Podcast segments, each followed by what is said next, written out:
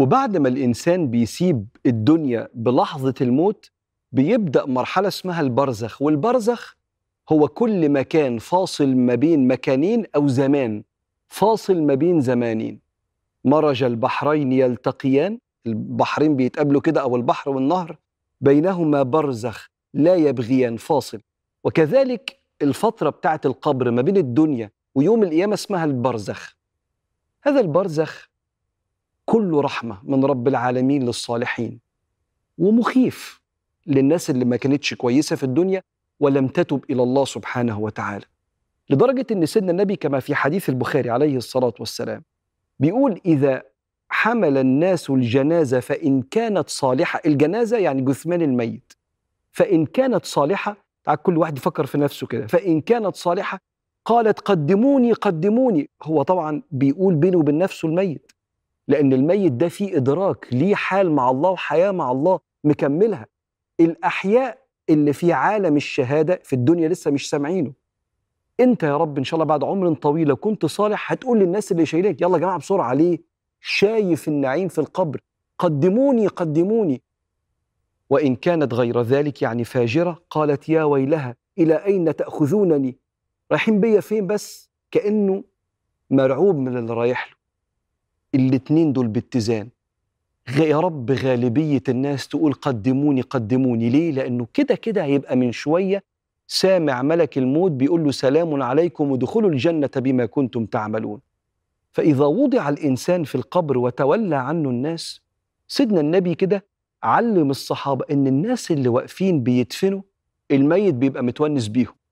فأول ما العبد الصالح بينزل قبره بيتسأل أسئلة بص لها من الوشين. وش الترغيب الجميل؟ إن الأسئلة سهلة جدا. والوش اللي ممكن بعض الناس يقول عليه لا دي مش سهلة مش أي حد هيجاوب إلا اللي كان عايش عليها.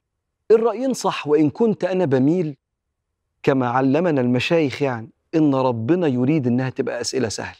فتنزل في قبرك تتسأل من ربك.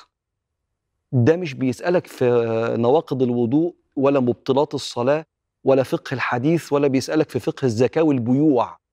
اللي انت تقول أنا ما اتعلمتش الحاجات دي في الفقه مع ان ده دينك. بيقول لك مين ربنا؟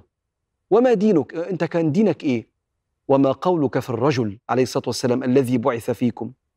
فيبدو ان ربنا مسهلها علينا. واحد تاني عايز يخوفنا شوية وما تقدرش تعترض على كلامه قوي برضه. يقول لك لا ما مش أي حد يجاوب ده انت لازم تبقى عايش عليها. ماشي بس خلينا مع ده من ربك وما دينك؟ وما قولك في الرجل الذي بعث فيكم. لو انت عارف تجاوب الثلاث أسئلة دول أبشر. إن شاء الله انت عايش على كده وتموت على كده وتتسأل وانت عارف. فلو جاوبت ربي الله ودين الإسلام ونبي سيدنا محمد عليه الصلاة والسلام يتقال لك صدق عبدي. فافسحوا لعبدي في قبره مد البصر. هتشوفها. يقعد يوسع يوسع يوسع القبر. وبعدين؟ وبعدين تلاقي صوت وزحمة. زحمة مين؟ كل حبايبك اللي ماتوا جايين يزوروك. خدناها من حديث وكلمة لصحابي. حديث النبي عليه الصلاة والسلام من ولي أخاه فليحسن كفنه فإنهم يتزاورون فيه اللي مسؤول عن الغسل والكفن. يحط كفن كويس لأن الميت هيزوروا ناس وهو لابس الكفن ده فلبسوه كويس. وخدناها من كلمة سيدنا بلال وهو بيموت ومراته بتعيط قال لها بتعيطي على إيه؟ غدا نلقى الأحبة محمدا وحزبه أو محمدا وصحبه وشوف بكرة النبي بالمناسبة. سيدنا بلال مدفون في الشام والنبي مدفون في المدينة زي ما أنا وأنت عارفين عليه الصلاة والسلام. بس اللي يعرف النهارده وهو في مصر يسافر أوروبا في أربع ساعات بإمكانياتنا بالطيارات بقى ربنا مش هيعرف يجيب الناس من مكان لمكان مهما كان بينهم آلاف الكيلومترات. فلا دي مش أوضة ضلمة تحت في التراب. ده خير كتير قوي هتشوفه من رب العالمين لدرجة إنك أول ما تبقى في قبرك بعد عمر طويل ربنا يفتح لك كده زي شباك تشوف بيتك في الجنة. كأن الفيو بتاع القبر الطلة بتاعت القبر على بيتك في الجنة فتقول لربنا طب ممكن بسرعة ربي أقم الساعة حتى أرجع إلى أهلي ومالي أقابل أهلي وحبايبي وأرجع كده لملكي. فربنا يؤمر الزمن يتكلفت يا زمن بسرعة. فتحس إنك أنت من يوم ما اتدفنت وأنت لسه قاعد بتسلم على الناس اللي جاية بتسلم عليك خمس ست ساعات ولا ثلاث أربع ساعات كأنهم يوم يرونها الناس اللي مدفونة لما تشوف يوم القيامة. لم يلبثوا إلا عشية العشية من الظهر للمغرب أو ضحاها من الفجر لمنتصف النهار. يا عم أربع خمس ساعات ست ساعات. بيعدوا بسرعة جدا. وأول ما تقوم القيامة ويوم يدعوكم أنت مش طالع مرعوب.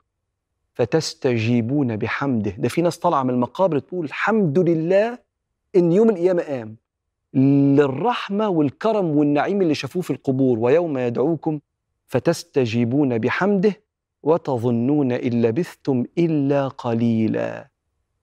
فاطمن بس خد بالك تبقى من أهل الخير والنفع والعمل والعبادة مش أهل الأذية. ساعتها إن شاء الله قبرك يبقى حتة من الجنة.